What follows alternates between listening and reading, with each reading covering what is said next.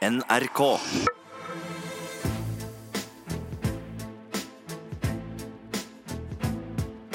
Trump mot verden med Gjermund Eriksen og Sean Henrik Matheson.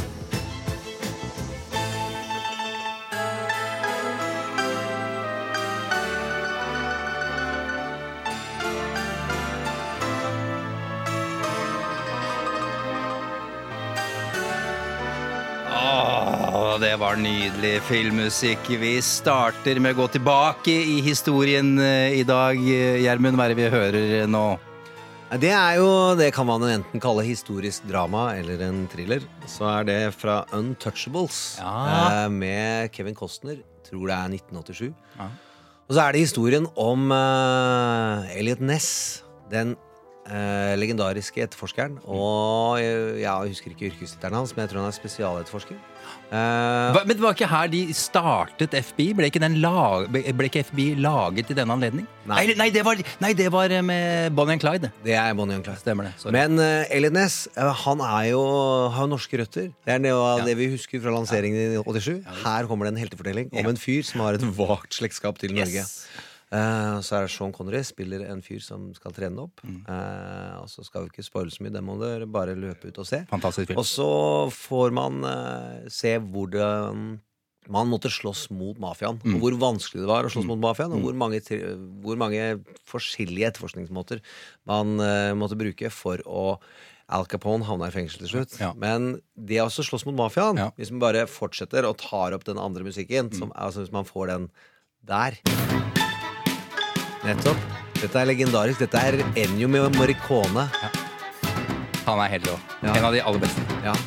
Og det å slåss mot mafiaen det fortsatte man med i New York. Og på 80- og 90-tallet så er det viktig å huske på at New York var kjempefarlig. Eh, det var Kriminaliteten ligna mye på det man har fått framstilt i serien The Wire og sånn. da. Enorme narkotikautfordringer, gjengproblematikk, familietragedier. eh, Oppgjør med mye vold. Og hvor mafiaene styrte jo mye av denne narkotrafikken. Ja. Og der var det jo da en av de store mafiabekjemperne som uh, fikk satt virkelig folk til veggs. Eh, og gjennom det fikk tillit og ble ordfører som den store crime, organiserte crimefighteren. Og så skjer en av USAs største tragedier. To fly eh, flyr inn i to bygg, og som endrer New York for alltid, og verden. Eh, og så går denne ordføreren eh, og blir eh, omsorgsordfører. Altså Han viser mye mer sympati og empati og er, eh, blir en helt annen person. Eh, ligner veldig mye på det Jens Stoltenberg etter vår 22. juli, eh, så kom han ut, og måten han prata på hvordan han møtte folk, så skapte han trygghet eh, og fikk til en forsoning og samla en nasjon igjen. Og på den måten var det denne ordføreren også klarte å opptre. Og så husker jeg det var det sterkeste post 9-11-øyeblikket mitt var at jeg så på en minnekonsert for alle brannmenn som hadde gått bort, mange som var skadd, eh, som skulle drive med inntekter til eh, ofrene for det. Eh, og så var Bruce Springsteen var der, og så kommer det inn en artist som jeg hadde bare blitt lært opp til at han var litt på vei ut. eh, Og så Jeg ville ha mer- Bruce, mm. men så skjønte jeg, eller skjønte ikke før sangen kom, da, at den salen der ville bare ha denne artisten, for de visste hva som kom. Og da er det den låta her. Have a flight to Miami Beach or to Hollywood. Taking a Greyhound on the Hudson River line. I'm in the New York state of mind.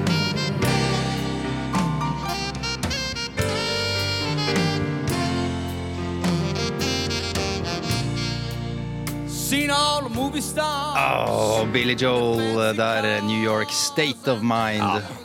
Og når den kom, da kom tårene, ja. Ja, det ser du. Jeg er litt blank i øyet allerede nå. Ja. Og jeg elsker det. Jeg. Men den eh, Og der eh, sitter jo da ordføreren eh, og er noe av det største symbolet på empati og sympati, som jeg sa i stad, eh, som verden har sett. Eh, og da er vi ved det som jeg tror kan være et bra tema for eh, dagen, og det er oppskriften på en gresk tragedie, så er det ofte man kan si at det er et degeneration plot. Og det tror jeg vi har vært vitne til denne uka her, når Nancy Pelosi går på og sier dette her. The president has engaged in abuse of power, undermining our national security and jeopardizing the integrity of our elections.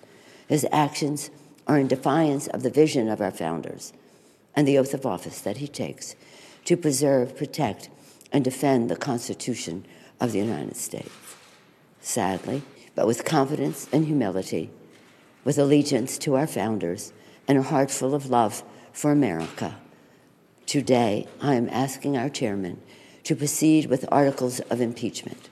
Ja, det var eh, krystallklart fra Nancy Pelosi der. Og det er historisk. Da er det den tredje presidenten som får utvikla tiltalepunkter eh, i en riksretthøring mot seg. Eh, og vår person eh, har virkelig vært innblanda i det. Fra Det, er, det begynner vel å bli ganske klart eh, hvem det er vi snakker om. Ja, det må vel være klart nå. Ruby, Ruby, Ruby, Ruby! Tullete. Det er jo men det, men det er, det er Rudy, Rudy Giuliani Rudy har Giuliani. vært så høyt oppe som uh, veldig få kommer i amerikansk politikk. Da snakker vi ikke om størrelsen på makt, eller noe sånt men emosjonell tilstedeværelse i en hel nasjons liv. Han var uh, America's mayor, uh, og nå er han ute og sykler. Og det, og det er stort drama. Ja, det er en eh, Rudy spesial du hører på. Og selvfølgelig i Trump mot verden. Velkommen skal du være, du som hører på. Jeg heter Sean Henrik Matheson. Eh, Gjermund Eriksen er på plass. Tilbake fra London. Gikk det greit, forresten? Bare kjapt ordna det? Jeg syns det. Ja, det er bra, bra, bra, bra, bra. Det var Godt å høre. Eh, I dag skal Bedre, det med- altså Det gikk bedre med meg enn med Donald, syns jeg. ja, han har også vært Vi var i der jo samtidig. Det er sant. det. Merka du mye til det, forresten? Var det mye Det var jo styr? veldig vanskelig å jogge. Snikskryt der. Ja. Vanskelig å jogge. Det var mye sperring. Ja, Ok, greit. Eh, Det skal altså handle om eh, Rudy Giuliani i, eh, i dag, en av våre favoritter. Det er den 6. september Unnskyld, desember. Det er fredag formiddag, dag 1049 av hans presidentskap. Og taper han så er det 411 dager igjen, med forbehold. Tre ting vi skal snakke om i dag, Gjermund. Det første er jo London, Nato og Macron. Ja. Macron. Det, Macron! ja, det må vi. Eh, og så er det om Rudy Giuliani sitt fall. Da. Så den greske tragedien som vi nettopp snakka om. Ja. Eh, og det Den type fortelling som han antageligvis får filmatisert om ikke så veldig lenge. Ja. Og så er det Barr som presidentens forsvarer. Ja. Eh, så da har vi de tre på plass. Justisminister William Barr. Det er ja. tre, ja, eller fire ting vi ikke skal snakke så mye om i dag, Gjermund. Ja, det, det ene er Melanias jul. Nå har det kommet nye julepyntebilder. Det er dempet, da. Det er ikke så gærent som det har vært før. Det er, men det er fortsatt veldig tvetydig om hun har det bra eller ikke. Ja, ja. Og det er å få så mye julepynt til å se skummel ut, Ja. det klarer hun i år igjen. Og det eh, Om det er smaken hennes, som alltid har denne en- Virker som tidlig, altså litt sånn tidlig fra en psychotriller. Ja. Eh, Det er den stemninga at det er pent, det er hyggelig, men det er noe veldig galt som skal skje. Det virker- er mitt inntrykk av altså. Virker som en eh, sånn Disney-dronning. Sånn skummel Disney-dronning. Ja, wow, hun ja. får jo. Narnia-tendenser her. Ja, helt klart. uh, ja, Nancy Pelosi hun setter skapet på plass. Det skal vi ikke snakke så mye om. men Det greit Nei, men den tror jeg vi må få høre. Og da, bare for å sette opp, da er det Hun har nettopp sagt de alvorlige ordene som vi sa, uh, som vi hørte. Eh, og så går hun, er hun i ferd med å gå av scenen, og så er det en eh, konservativ journalist som roper 'Hater du Donald Trump?' Eh, og da kommer hun tilbake, og ja, Nancy skal vi ikke Vi, vi må høre. Let me just say this. I think the president is a coward when it comes to helping uh, our, our kids who are afraid of gun violence. I think he is cruel when he doesn't deal with helping our dreamers. I think he's in denial about the climate crisis. However, that's about the election. This is about the elect. Take it up in the election. This is about the Constitution of the United States and the facts that lead to the president's violation of his oath of office.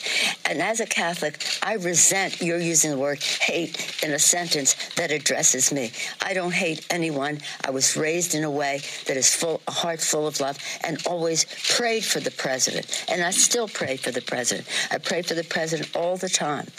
So don't mess with me when it comes to words like that. Don't mess with me. Det var fett! Det- Men det er jo ikke noe du vil høre. Når bestemora Ja. di sier det, nei, da har du gått over streken. Eh, så der tror jeg hun nok en gang klarte å få et nytt kapittel i historiebøkene eh, om det som kalles å ta igjen skikkelig. Kamala Harris hun har eh, gitt seg, men vil fortsette. Ja, det, altså, Spekulasjonen er jo at hun posisjonerer seg for en mulig VP-pick. Det tror jeg er litt vanskelig å si. Altså, Visepresident. Ja, visepresident. At hun blir valgt ut som det. Men det hadde sikkert vært en god, øh, og kan være, et godt valg for den som øh, uansett øh, kommer til å være kandidaten fra Demokratenes parti. Når er det som man bestemmer det? Når er det liksom finner ut av det? greiene Nei. Det nærmer seg jo sommeren. Ja, det er sommeren. Ja. ok, greit. Eh, Så spørs det hvordan disse primærvalgene fungerer. Og hvis det er for mange nok fanger fra, Og så kan det vare helt til konventet, som pleier å være tidlig i august. Og Og det der, er bestemmes, og der bestemmes det, ikke sant? La oss håpe at det er bestemt før. Ja, okay. Hvis det er et contested Det heter broken convention. Eh, og da er det en helvetes kamp okay. om hvem som skal vinne. Og da er demokratene legendarisk kjent for å å ha ødelagt for seg sjøl tidligere. ja. Så la oss håpe at det ikke skjer. Eh, men Camilla, det handla også om at hun måtte gi seg mens hun fortsatt har oppslutning og hadde litt og hadde kreden i orden. Mm. Eh, hvis hun tapte for hardt i dette primærvalget, så kan hun miste fot Altså rett og slett senatorplassen sin Ja. fra California. Så det var, det var frykten. Hun var blakk. Det var tom for penger. Eh, Og drev visstnok en veldig dårlig kampanje, ifølge ryktene. ja, Ifølge eh, sine valgkampmennesker Ja, ja, så var, eh, hadde Kaos. høsten vært ganske dårlig. Så har jo vi Det var jo vår favoritt. Vi, eller ja, blant de vi syntes var ordentlig spennende når Ja. hun kom i februar. Ja. Bra første TV-debatt, men etter det så har hun ikke hatt noen evner til å følge opp utspillene sine. Altfor mange utspill, leste jeg et eller annet sted. At det er ikke noe retning på, på det hun sier. Ja, men det, er, det er verre enn som så, for nesten ingen av de andre har vært så flink som henne til å komme helt øverst i folks oppmerksomhet en uke på nå, hvordan du angrep Biden, eller hvordan du lanserte seg. Men da må du ha en oppfølgingsplan. Altså hvordan skal du flyte på det du har skapt? Eh, så hun har i hvert fall trengt igjennom der de andre ikke har klart det engang. Eh, og hvis du ikke klarte å utnytte det Jeg tror Cory Booker hadde gitt bort venstrearmen for å ha fått de de, altså de, de lyskasterne som hun fikk på seg i de periodene. Men det var for dårlig, og det er synd. Cory Booker er en mann som fortsatt er inne i kampen om å bli tråd. I Og en da, tynn tråd, ja. Vi skulle jo ikke snakke om dette, men Nei, nei. da er det flaut hvis han detter ut òg. Ja, okay. Da har vi mista de to svarte eh, som var av i de to øverste favorittsjiktene. Det er ikke bra. Mm. Ja, ok. Syns, eh, vel, vi som tenkte at uh, vi trenger folk med farge og en annen bakgrunn. Eh, Vi skal heller ikke snakke noe særlig om at John Kerry nå har gått ut og, og, støttet, og støtter Biden som ja. presidentkandidat. og Biden er eh, Og det er jo bra for Biden. Kerry eh, Man skal ikke overdrive det, men jeg tror Biden trengte det. Ja, okay. Litt sånn ekstra vin i ryggen. Så får vi se hvordan det, hvordan det bærer. John Kerry var jo presidentkandidat i 2004, og også utenriksminister hos Obama i, i veldig mange år. Eh, ok, ja, vi har nevnt Nato allerede, som har feiret eh, 70-årsjubileum i London denne uka. Det skal vi snakke om nå.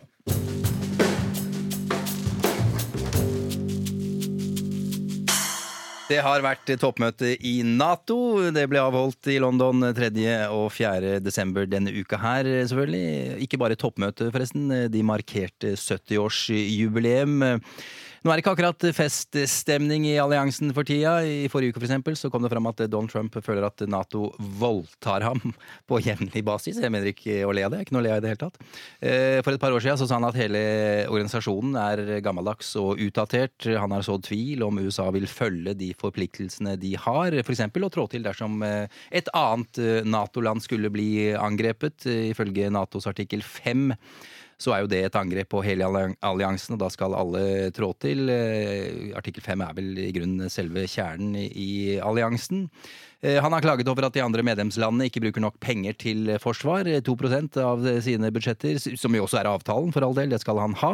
Eh, Tyrkia er sure. Hvis ikke de får lov til å invadere Syria i fred, så vil de ikke støtte en større tilstedeværelse av Nato i Baltikum. Og Frankrikes president Emmanuel Macron eh, sa rett før toppmøtet at Nato er hjernedødt. Det er luggeføre, eh, for å si det mildt. Eh, Og i Kreml sitter Vladimir Putin og gnir seg i hendene, Europas Eh, samhold eh, knirker i, i hva heter det, hengslene, sammenføyningene. Midtøsten er destabilisert, eh, og da passer det dårlig med krangling innad i The North Atlantic Treaty Organization. Huh, opprettet i 1949, Gjermund. Nok alvor! Eh, La oss heller starte med noe som er morsomt. Ja, og det, det var Vi hadde jo alle forventninger til at det skulle skje noe flaut der. Eh, Vi venta på det. Ja, men det og igjen så overgår eh, dramaet forventningene våre. Mm. Eh, Trudeau fra Canada, Mm. Ja. som er jo en sånn eh, liberal sweetheart eh, fra venstresiden. Mm. Eh, han er uh, veldig dyktig politiker, veldig god retoriker. Han har fått litt juling fra Twitter-venstre, men alle vil jo klare å skuffe dem Ja. uansett. Ja. Uansett. Ja. Vi er da på et eh, møte, et mottakelsesmøte, Ja. og der står Trudeau Ja. sammen med flere andre i en sirkel, og du føler som du er på fest når Ja, du ser det det. ser veldig hyggelig ut. Det, ja, det er altså Trudeau selvfølgelig. Emmanuel Macron er der. Mark Rutte, eh, statsminister i Nederland. Boris Johnson. eh, Prinsesse Royal Anne står i sirkelen også. Og så står det noen og filmer med noen kameraer fra to ulike vinkler, og de folka her tror Men du vet ikke, for han tenker langt, denne Trudeau. Ja. Eh, tror ikke de vet at de blir filma. Og det er eh, Det går nesten ikke an å høre Nei, vi kan, vi kan bare legge det opp. så Kan vi, for det. Ja, det er ikke mulig å høre, men ja. Hva er det han sier igjen? Nei, han sier sånn du bare ser at du, han kom inn, og så ser du hele gjengen til Trump eh, For han kom for seint? Trump kom for seint til møtet. Og hele liksom, apparatet hans får sånn hakaslipp og wow, du skulle sett det, og wow! Han sto sånn, Ja, basically. Ja, det er helt vanlige mennesker som driver med historiefortelling Ja, ja, og ler av, ler av hverandre og snakker dritt bak ryggen på et menneske. Ja. Og så blir de filma. Men er dette viktig, det som skjedde der, Gjermund? Jeg blir redd for sånt, fordi det er en urban myth at Donald Trump ble provosert til å stille som president fordi han satt i eh, en svær gallamiddag hvor Obama holdt et innlegg på scenen hvor han gjorde narr av Donald Trump. Og det fikk han til å bestemme seg for å hevne seg. Det er ikke helt sant. Nei. Men at sinnet mot Obama Han tåler ikke å tape ansikt. Eh, og det Man har, bør ikke ha, har levd et langt liv. Det holder å ha sett mye film og TV-serier. Hva gjør en mobber når de taper ansikt? Det kan få veldig uheldige utslag. Eh, for Trudeau, ikke minst. Eh, at 'you're not laughing now'-aktig reaksjon fra Donald, det hadde jeg vært bekymra for. Hadde jeg vært Trudeau og verdensborger. Trump kaller jo eh, Trudeau for two-face. Two-face. Det er tilbake til eh, Det tror jeg ikke vi skal eh, tro på Donald der heller. Okay. Nei, det er greit.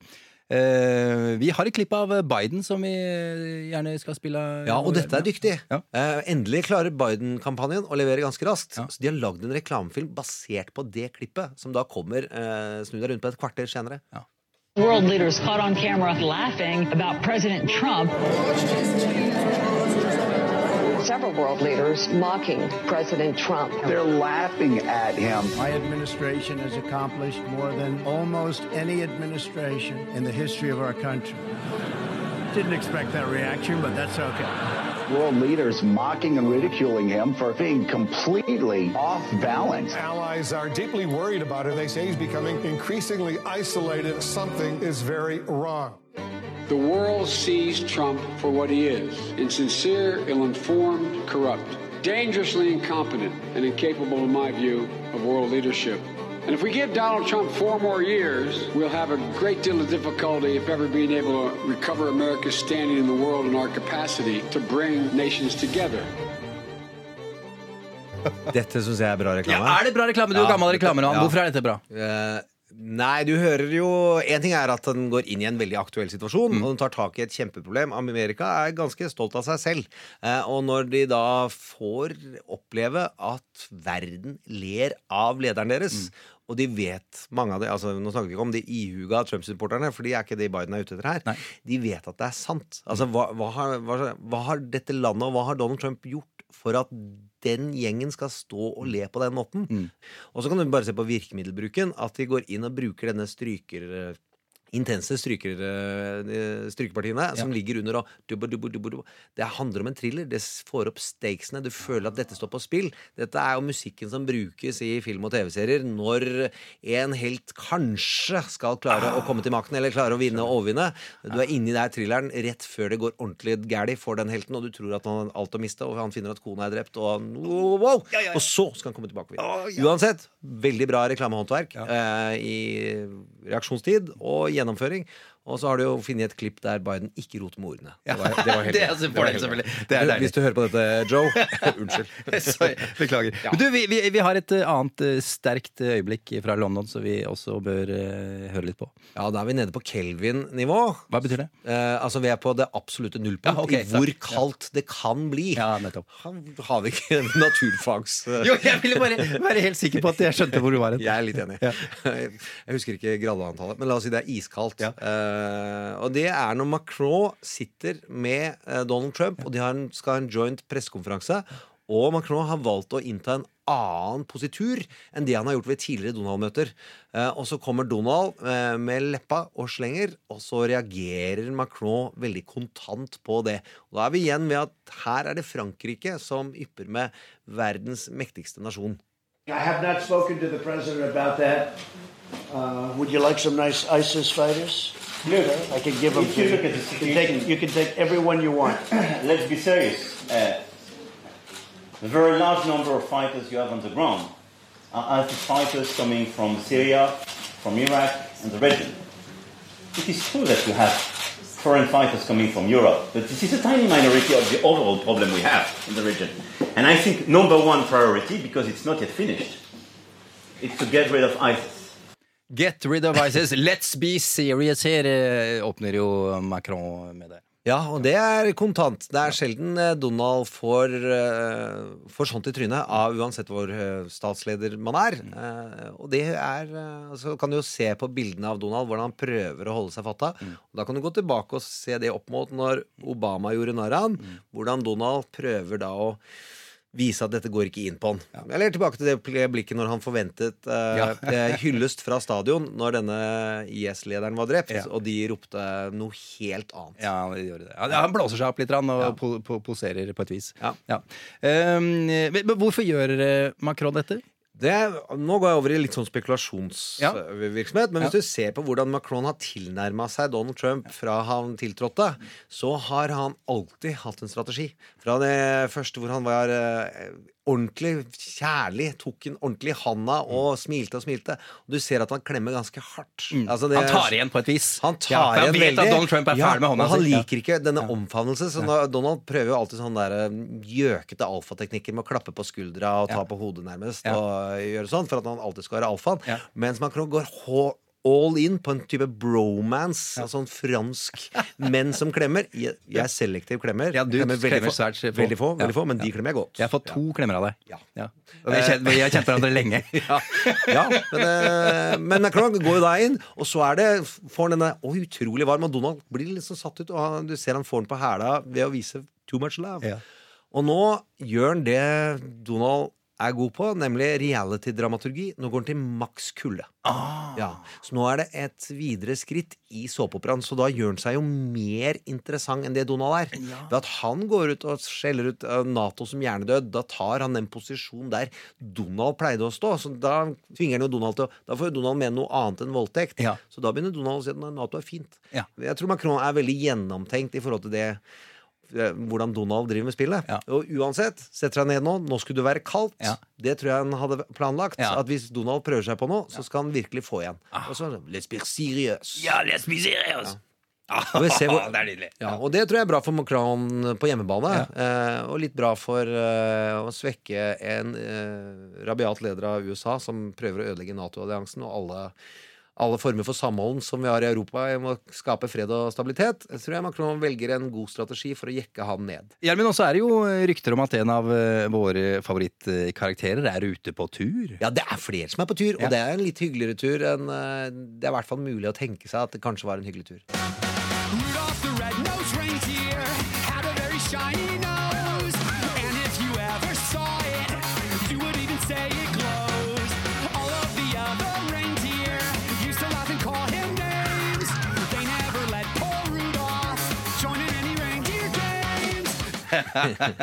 Rudy Giuliani. På juletur. På juletur. eh, En av våre favoritter. Så er det jo også en Rudy-spesial vi har gående i dag. Skal visstnok ha vært på en ørliten europaturné, Budapest og Kiev. Der eh, har han snakket med gamle venner. Eh, Gamle venner som har vært med på å lage denne konspirasjonsteorien om at Hunter Biden er korrupt, og ikke bare det. det dette er en del av et filmdokumentarprosjekt, ja. Eh, Rudy skal eh, lage en dokumentar som forteller at hei, jeg har ikke gjort noe feil, og det har ingen andre som støtter Trump gjort heller. Vi får se hvordan det går. Jeg vet ikke om den havner på Netflix etter hvert, Gjermund. Den havner på Foxflix, i hvert fall. Foxflix! Vi skal til fiksjon eh, nå. Et begrep som du nevnte tidligere i dag, Gjermund. Brukes i film, ja, i TV og fiksjon. eh, Som kan beskrive Rudy Giuliani ganske godt, vil mange hevde, i hvert fall vi, blant annet. Eh, The Degeneration Plot, eh, hva er det? Det er jo særlig denne dramaturgguruen jeg viser til mye, ikke sant? Robert McKee, som går gjennom og bygger på Aristoteles og de greske idealene for historiefortelling. Alle som lager film og TV, leser Robert McKee. Alle unntatt Steven Spielberg, Ah, okay. sier New York Times-artikkelen Right. om Robert McKee. Så det er ikke mine ord. Nei, okay. Men eh, det er jo det Dypest sett så handler det om hvordan du er på Er en idealist og forfaller gjennom et, gjennom et drama. Og at du starter som god og ender som korrumpert. Eh, og det har man jo hatt fra de greske tragediene og flere runder rundt en eller annen La oss kalle han William Shakespeare. Eh, King Lear er en klassisk av den typen. Og hvor hovedpersonen starter med en tragic flaw og har, har store og gode talenter. Hva er en tragic flaw? Tragic flaw er det som kaltes akilleshælen til Ja, Achilles. akkurat. Veldig Ja, ja, ja. deskriptivt. At det er hans svakhet. Men etter det så er jo det blitt et bilde på andre svakhet. Ofte i denne type dramaer så er det jo ambisjon og ønske om makt og ønske om penger eh, som er det som trekker det i den retningen. Og hvis man lager litt elegant, eh, så er det ambisjon på vegne av å gjøre noe godt, og ikke bare rent ønske og makt. Og så er det spørsmål av hva som har fått Rudy til fra de høydene vi så i stad. Så er det bra å bruke i podkastsammenheng. Nei, hvis du ser for deg, så prøvde å se for oss å være på en svær stadion. Jeg husker ikke om det var Madison Square Garden, der denne konserten er, og han hylles. Og folk får tårer i øya fordi han er så god, og han har tatt dem så på alvor. Og derfra skal vi ned til at han eh, kommer til å bli omtalt som noe av det mest ja, korrupte i amerikansk presidenthistorie, antageligvis. Men hvor er det nedturen starter hen, Gjermund? Eh, det er flere veier ned her. Eh, det kom jo fram etter at han eh, Han var jo ordfører, og så prøvde han å bli ordfører i en tredje periode, og det er ofte ikke et godt tegn. Nå gjorde Bloomberg det òg, men la oss Hvorfor er ikke det et godt tegn? Nei, fordi at du burde anerkjenne de spillereglene som er der, og si at nå har jeg hatt makten så lenge som eh, vi har lagd regler for at jeg skal ha den. Eh, og det, det er ikke lov å være mer enn to perioder? man kan prøve å få en tredje periode, okay. men det er egentlig ikke lov. Ok. Bloomberg, så er det noen konstitusjonelle grunner til at det kan man gjøre i New York, men det tar jo ikke noe. Eh, og så eh, begynte han å eh, gjøre seg veldig høy og mørk på national security-området, altså terrorbekjempelse, og ble jo fra å være New Yorks mayor til America's mayor til å være en fyr som på konventet rundt George Bush eh, var, markerte seg tungt på national security, og nå skal vi virkelig forstå hvordan vi skal slåss mot terrorister, og la oss si han var Begynte å få et mer sånn Dick Cheney-språk i tilnærmingen til hva er det som har skapt denne terrorismen. Det kan man jo mene hva man vil av, men det var tidlig i mørket. Rundt 2008 så prøver han å stille som presidentkandidat Ja. og slåss mot John McCain, som blei vinneren. Eh, og Rudy er så høy på seg sjøl, så han sier at han skal la dem bare komme i gang med en del primærvalg, og skal han hive seg inn etter hvert. Og det skal gå ille bra, som vi sier i Østfold. Det gjorde de ikke. Det var, da hadde han brukt opp magien sin og markert seg, prøvde å gjøre seg til eh, antiterror-presidentkandidat, men var ikke det USA ropte etter når det 200 000 mister jobben i måneden eller uka, eller hva pokker det var. Men Ja. det var finanskrisetid. Ja, ja, ja. Det var ikke antiterrortid. Så han var, eh, hadde skapt seg feil plattform. Okay. Det er noen av de tingene som pekte på vei nedover i den fasen. Akkurat. Um, og så er det vel eh, også Han har jo drevet med ting som kanskje ikke eh, så mange har fått med seg. Altså eh, å tjene penger på, på sin eh, gamle ordførerberømmelse, Gjermund. Ja, Det er det jeg syns har vært mest interessant å lære om nå, er at han allerede da eh, har jo reist rundt i verden og eh, vært en type advokat, personlig rådgiver, lobbyist inn mot fishy regimer som vil tilnærme seg USA. Eh, om det var oljemilliardærer i eh, type Saudi-Arabia-land, eller eh, om det han var, var rett og slett i kontakt med Ukraina Ja. også i 2008. Så var han allerede i gang med ukrainske politikere som da var russervennlig, og som var ønsket av Putin. Og har hatt oligark, russer-oligarkkontakt allerede fra den tida i Ukraina. Og ja, det er også et tegn på at han prøver å kapitalisere på uh, sin, sitt embete. Ja, ok. Eh, privatlivet hans har også vært eh, full av utfordringer, kan vi vel si? Han er jo kjent for å ha vært gjennom noen av de mer flaue skilsmissene. Eh, han er her på Donald-nivå der. Eh, og har- hadde utrolig drøye skilsmisser som ordfører. Hvis jeg ikke husker helt feil, så var det mens han var ordfører. Så begynte han å måtte være borte hjemmefra, og man leita etter hvor han var, og hadde seg selvsagt da med noen elskerinner og noe sånt. Ja. Eh, og så har han jo gifta seg igjen, og det, nå har han skilt seg i, i på for n-te gang. Ja, ja. Og det er dyrere enn noen gang. Ah, okay. Så til å være en profilert advokat, så er han ikke så god på dette som kalles prenup. Ja, så han har peng pengeutfordringer. Han er nødt til å tjene masse spenn til alle disse Men Kan skils- skilsmissen hans ha noe med at han er ute og, Det er og forsøker å Dette kaster jeg ikke ut som om jeg har funnet på, Nei, nei. men det er folk som da sier at han har økonomiske utfordringer fordi han har hatt så mye dyre skilsmisser. At den livsførselen og inntektene ikke helt matcher hverandre. Mm.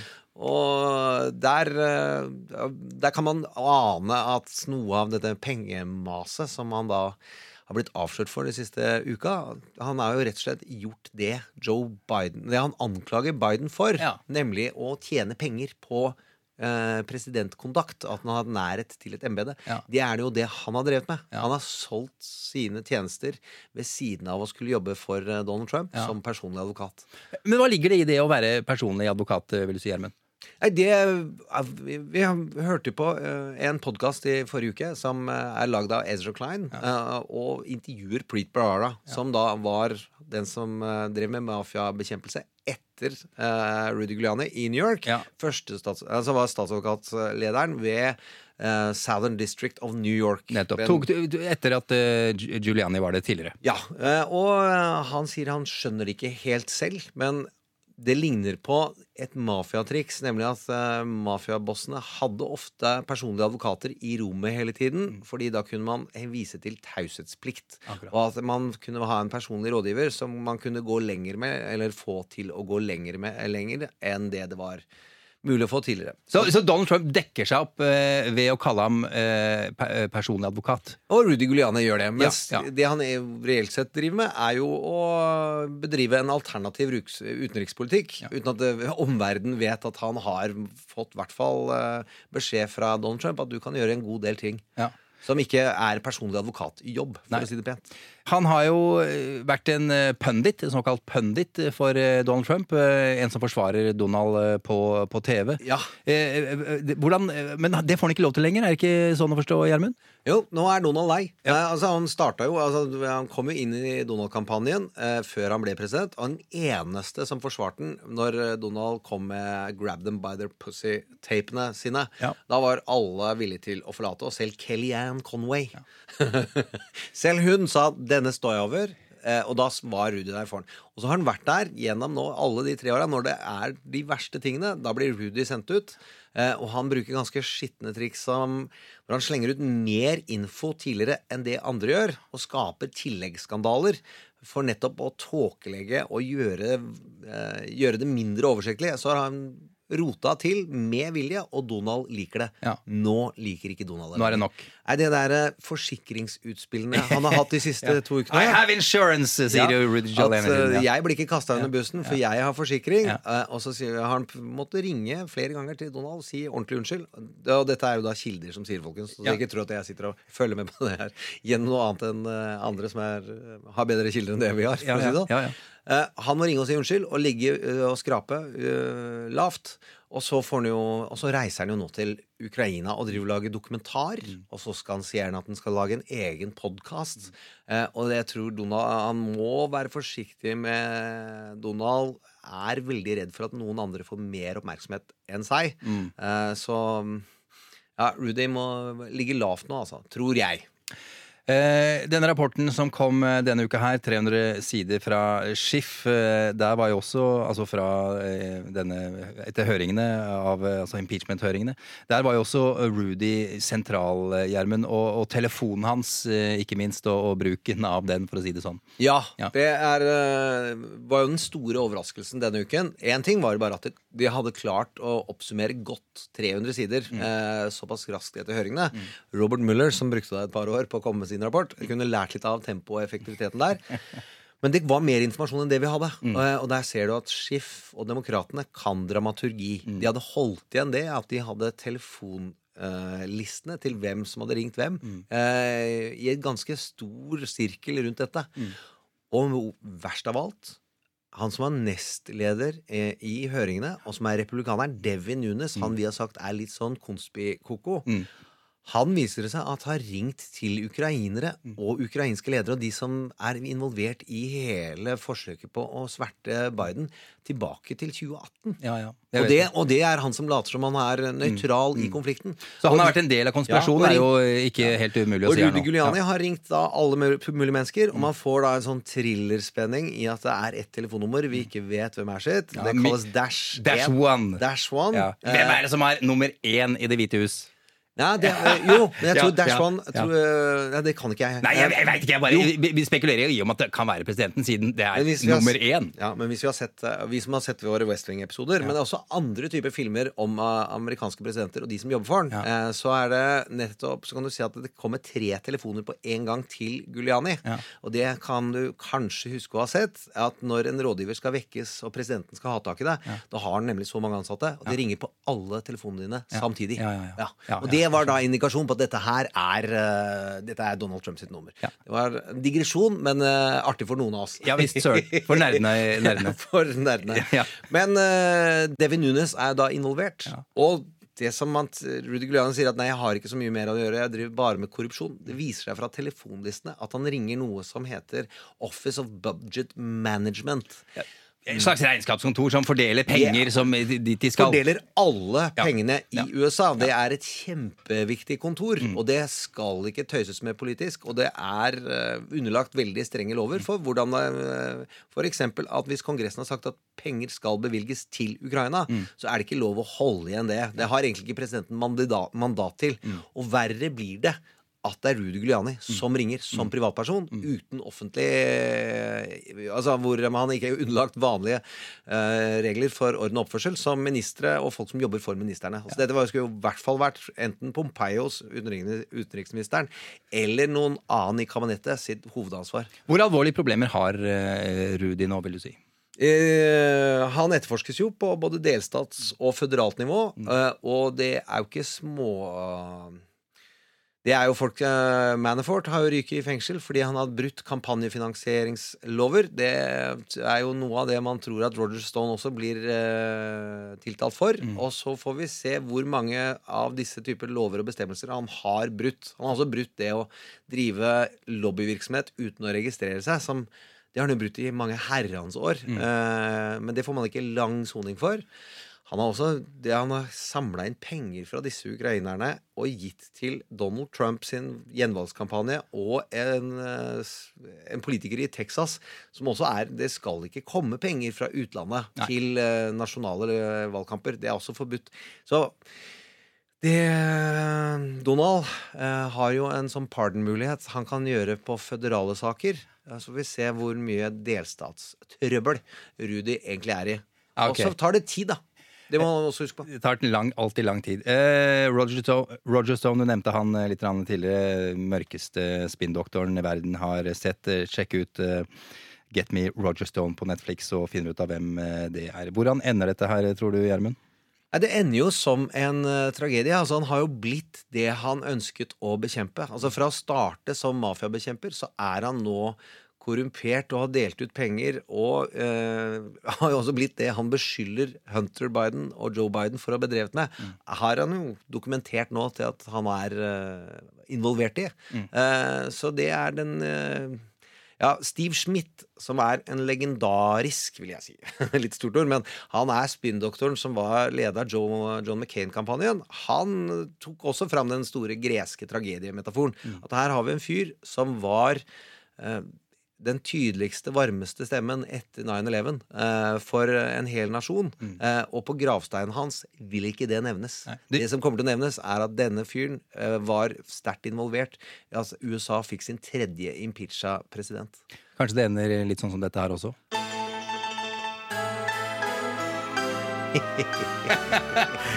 Nettopp. Ja, ikke sant? Ja.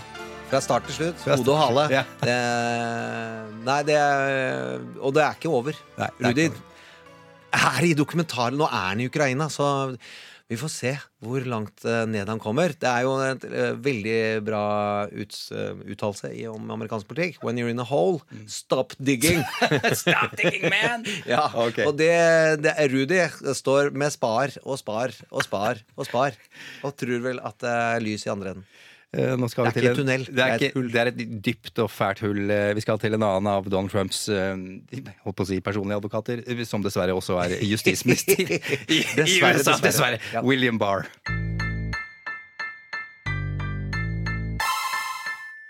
For noen dager siden kom The Inspector Generals rapport om FBIs håndtering av etterforskningen av Donald Trumps valgkampanje i 2016. De begynte å etterforske kampanjen for å undersøke om eh, kampanjen da samarbeidet med Russland. Eh, Inspector General er et eh, etterforskningsorgan i USA som skal passe på at saker og ting går riktig for seg i forvaltningen og i de forskjellige departementene. Også Justisdepartementet, som har ansvaret for FBI. Donald Trump har hevdet at denne etterforskningen eh, er og var grunnløs, eh, at det var et komplott mot ham eh, fra FBI. Han har hevdet at FBI faktisk satte i gang Russland-forbindelsen ved å ha en falsk kilde der inne i starten, og at FBI spionerte på ham. En del av the deep state-konspirasjonen, altså at byråkrater og andre offentlige ansatte jobber mot Donald Trump. Rapporten var eh, klar og tydelig. Det var såpass mye mistenkelig som foregikk rundt valgkampanjen til Donald Trump at det var riktig og helt på sin plass å etterforske. De spionerte ikke, de etterforsket eh, med god grunn. Man pleier å stole på The Inspector General eh, og det de finner ut av. Eh, Og i hvert fall justisministeren, som jo er dens øverste leder, ikke denne gangen. Justisminister William Barr, en svoren Trump-tilhenger, involvert i det meste av det som foregår, også Ukraina-skandalen. Han har eh, sådd tvil om, at, eh, om dette kan være riktig, altså. Om det var gode grunner til å etterforske. Han holder med andre ord konspirasjonen varm. Hvorfor er dette viktig, Gjermund? For å ta det første først, eh, om hva som er den store forskjellen på en norsk justisminister og en amerikansk justisminister, eh, så er det jo i Norge så har justisministeren ansvaret for eh, å drifte justissektoren. Men vi har en riksadvokat som er helt uavhengig, eh, og som driver påtalevirksomhet. Eh, det er ingen telefon som skal gå fra en justisminister til en riksadvokat og si nå, jeg syns du skal eh, kikke litt på det her, og litt misfornøyd med hvordan du etterforsker ditt og datt. Og det er ekstremt viktig at det ikke blir blandet inn politisk der.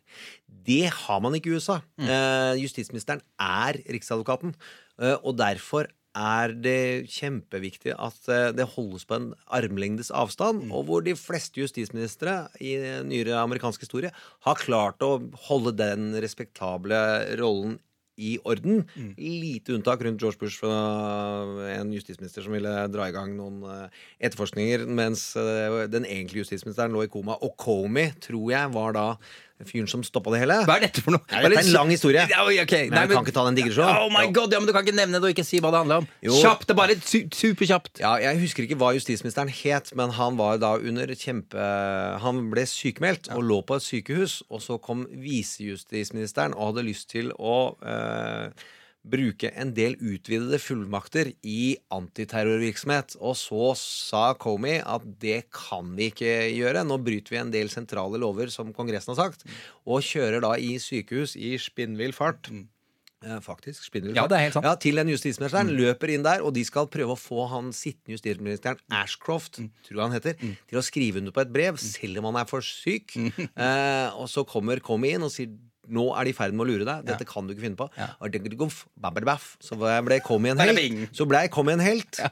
og så ble han ikke en helt igjen. Men det er en annen degeneration-plot, og han har ikke degenerated så langt ned. Her er vi mer inne i en annen eh, ja, mer nyansert eh, karakterdrama. Men der fikk vi akkurat det vi trengte å vite. Da kan vi gå videre på William Barr. Ja. William Barr. Ja, det, men eh, å forstå at han er riksadvokat og burde ikke blande seg inn i etterforskninger på den måten han gjør. eh, Det han faktisk gjør, er jo da å ta en ur-Donald. Og, og det syns jeg er veldig mørkt. Ja, okay. hva gjør han? Eh, Nei, Donald Trump er god til å slenge ut konspirasjoner for å få masse oppmerksomhet til seg selv, Mm. og så tvile om et område hvor han kan tjene på det politisk, eller tjene på det oppmerksomhetsmessig. Mm. Uh, og da er det beste eksempelet birtherism rundt Barack Obama. Mm. Så tvil om han, hvor han er født hen. Det er hvordan Donald Trump kom seg inn i amerikansk politikk. Altså, Urløgnen var hans stupebrett, og som han brukte i så mange år. Obama er født i Kenya, ikke i Norge. Ja, og Nei, i USA. Unnskyld. det er han ikke. ikke ikke født Og ikke i. Nei. Ja. Ja. Og- ikke på et sykehus i Hawaii. Eh, og det og Bar, Bar gjør der, er nettopp Det er han som har satt i gang etterforskningen ved å si at de spionerer eh, på egne innbyggere, og ikke etterforsker egne eh, innbyggere. FBI. Som er det samme som å sammenligne at folk som da har sex eh, Nei, det er nok voldtekt de har der. Nei, det er sex. Det er lov, eh, det de holdt på med. Nei, det kaller det en voldtekt. Det å dra, ja, bare så folk Ja, ja, skjønner, skjønner, forholdet mellom etterforskning og spionering på egne innbyggere, er det. Ja. Det ene er helt lov, legitimt. Det andre er ikke lov, ikke bra. Greit. Ja, så kan mamma ringe om metaforen var godkjent eller ikke. Eh, det er det Barr gjør. Han drar i gang, og så går det ett år med eh, Det er ikke ett år, det har gått fire måneder med Inspector General, og de henter inn en statsadvokat fra, et, fra Louisiana, lurer jeg på, eh, til å lede granskningen. Og den personen sier at her er det ingen slinger i valsen. Her er det ikke rusk i forgaseren. Men Barr jeg tror det er rusk allikevel. Fortsetter med denne vage voldtektsanklagen. Hvis jeg skal sette Jo, opp ordentlig på spissen. fint, ja. Og det er eh, Det er farlig, altså. Det er skummelt. Og det sier noe om at han ser ikke sin jobb å være justisminister.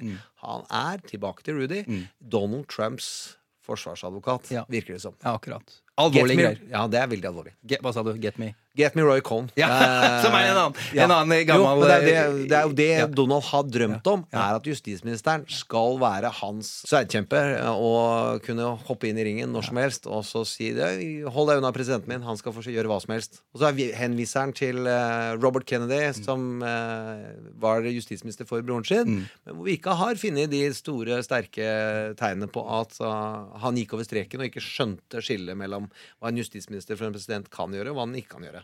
Ja. Og, og det samme med justisministeren til Barack Obama, som Donald hele tiden henviser til at uh, var, jo, var jo beskytteren av Obama. Aldri blitt tatt for at det var noe rusk mellom de to. Nei. Roy Cohn, eh, en eh, som er i Rogers Zone sin eh, liga, kan vi vel si. Bare Ja, det i er, han er, på ja, det- er faktisk i ligaen way over. Over, faktisk. Ja. Det er helt sinnssykt. Ok. Takk skal du ha, Gjermund. Vi skal til ukas karakter. Joining us now is Ezra Klein. In a short segment we call the Ezra Klein Challenge. But Ezra Klein says the process is only traumatic if we all decided it. So joining us is Ezra Klein.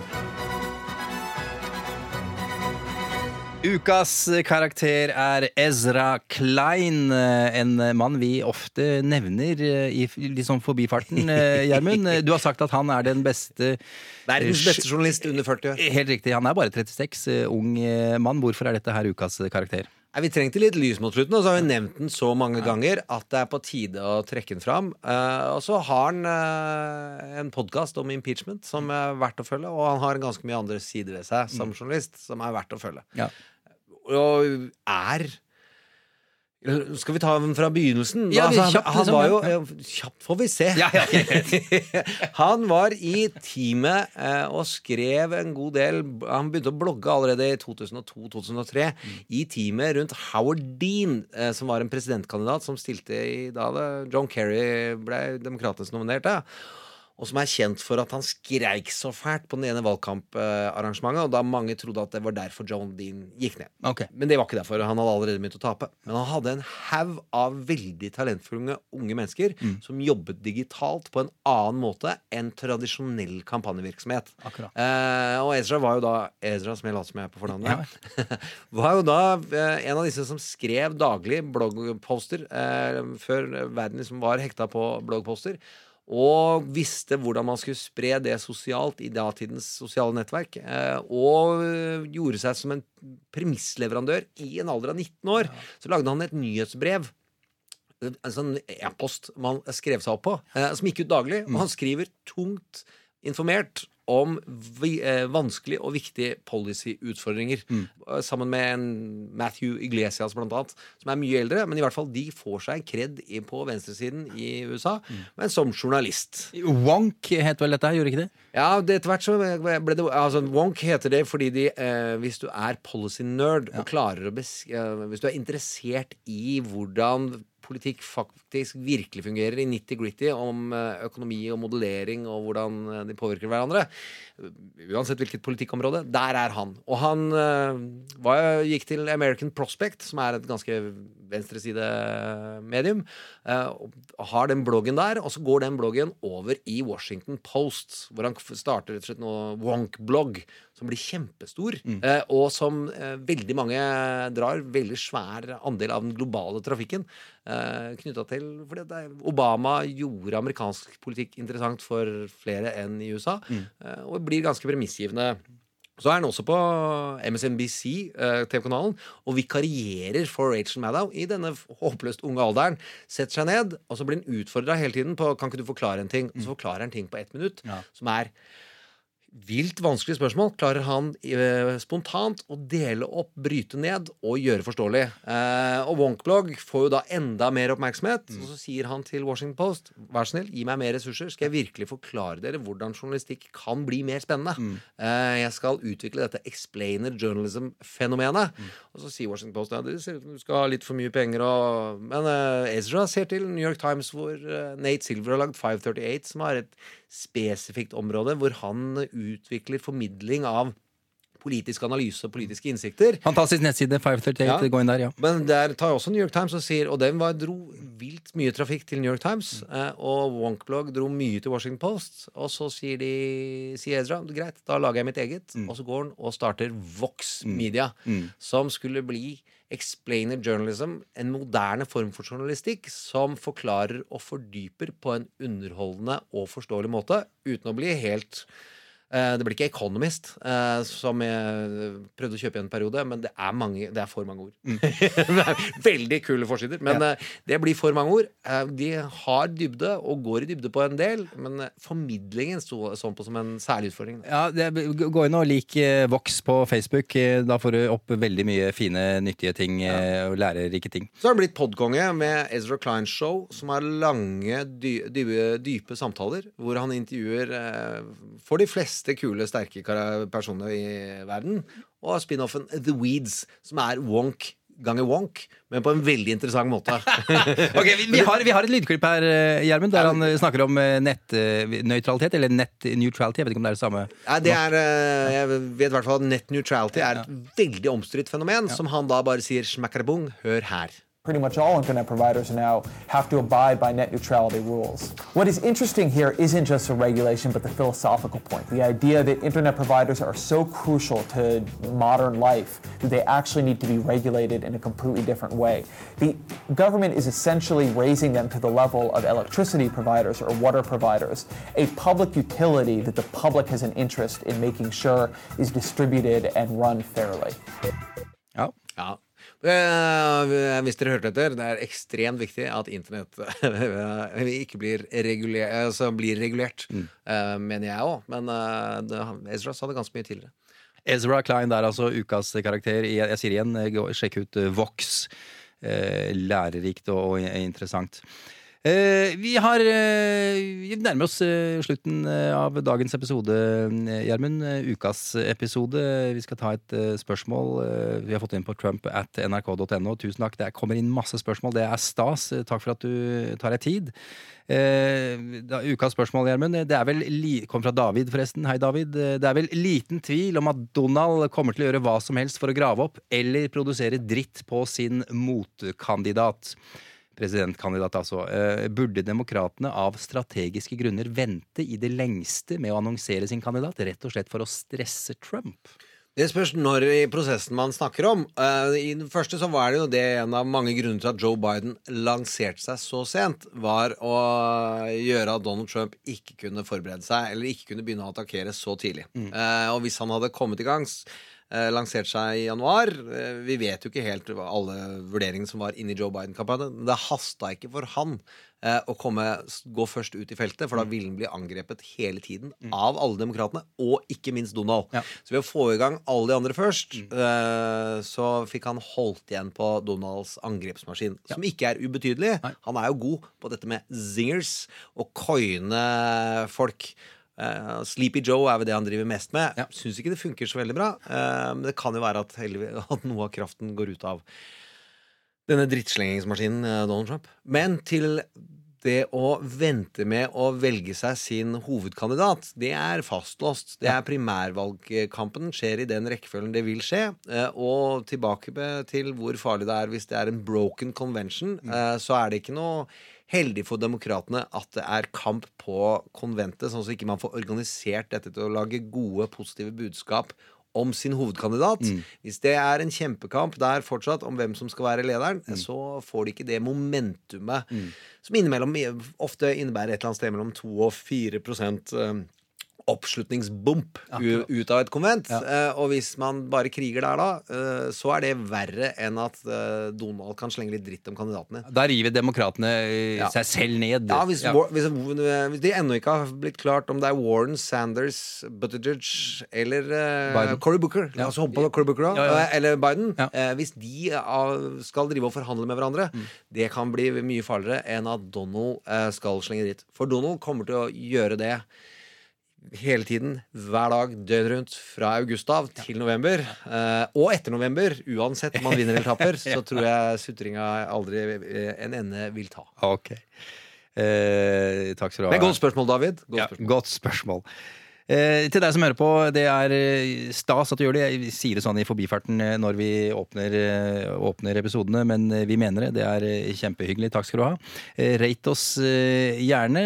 Og anbefale oss til, hvis du kjenner noen som har interesse av amerikansk politikk og linken til drama, så er det lov å sende det videre. Dette Ezra Klein, skjønner du, som er en av verdens beste journalister, han synker så lavt og blir så skamløs at han ber om å bli spredd. Og da syns jeg vi kan gjøre det òg. fader, hvis han ja, kan for dette er Verdens beste under 40. Ja, ja, og vi er verdens Ja. beste under 40, og da kan i hvert fall vi gjøre det. Um, og fem stjerner er alltid hyggelig. Det er det beste, selvfølgelig. Før vi gir oss helt, det er Silje Martinsen Vettre som er produsent for Trump mot verden. Eh, Neste uke, Gjermund, wow! Neste uke, da får vi storfint besøk. Ja, altså Moderskipets Moderskipets øverste leder. Eh, Tor Gjermund Eriksen kommer. Kringkastingssjefen. Fordi han har vært medleder, eh, og- og vært medleder samtidig som Fox har hatt den veksten. Og da tror vi at det kan bli en veldig interessant samtale om forskjellen på La oss si at det er en viss forskjell på hvordan NRK tenker om sitt publikum, og hvordan Fox tenker og jobber for sitt. Men hør på den traileren her, eh, som da, hvor du har fått inn flere kjendiser til å markere at eh, Tor Gjermund Eriksen kommer til oss neste uke. Ok, neste uke skal det bli moro! Stor stas med selveste kringkastingssjefen som skal komme. Og, nei, men, hallo, unnskyld, det er oh, oh, oh, oh, oh, oh, Slow down, slow down! Bury the attitude a little bit and show them. Show them? This is radio. I I know you are all about movies, uh, but you. Remember way back when, when you were a kid? Yes. It wasn't just about the money, was it? Tommy, it's not that. Was it? Tom, I'm just trying. Was it? Mr. Cruz, Tom Cruise, nice to see you, by the way. Uh, this is NRK. It was never about the money. It's Rikskringkasting, and my boss is coming as a guest next week, so don't say that. Fine, fine! My coffee mug! Don't yell! We talk. Hey, that wasn't mine. We talk. We talk. We talk. We talk about drama and politics. Take it easy. Trump's world almost as a TV series. You don't know what it's like to be me out here for you. It is an up at dawn, Oh. pride swallowing siege that I will never fully tell you about, okay? Okay, cool it, Tom. We use some of your movies as examples, actually, uh, here and there. Uh, a few good men, you know, uh, when that guy Jack says, "Oh, you can't handle the truth." Help me! Help Help you. Nei, Tom. Help me. Da, nå må du Nei, nei, nei. Nå må du ta Me. Tom. Help you. okay, now, now you're standing very close.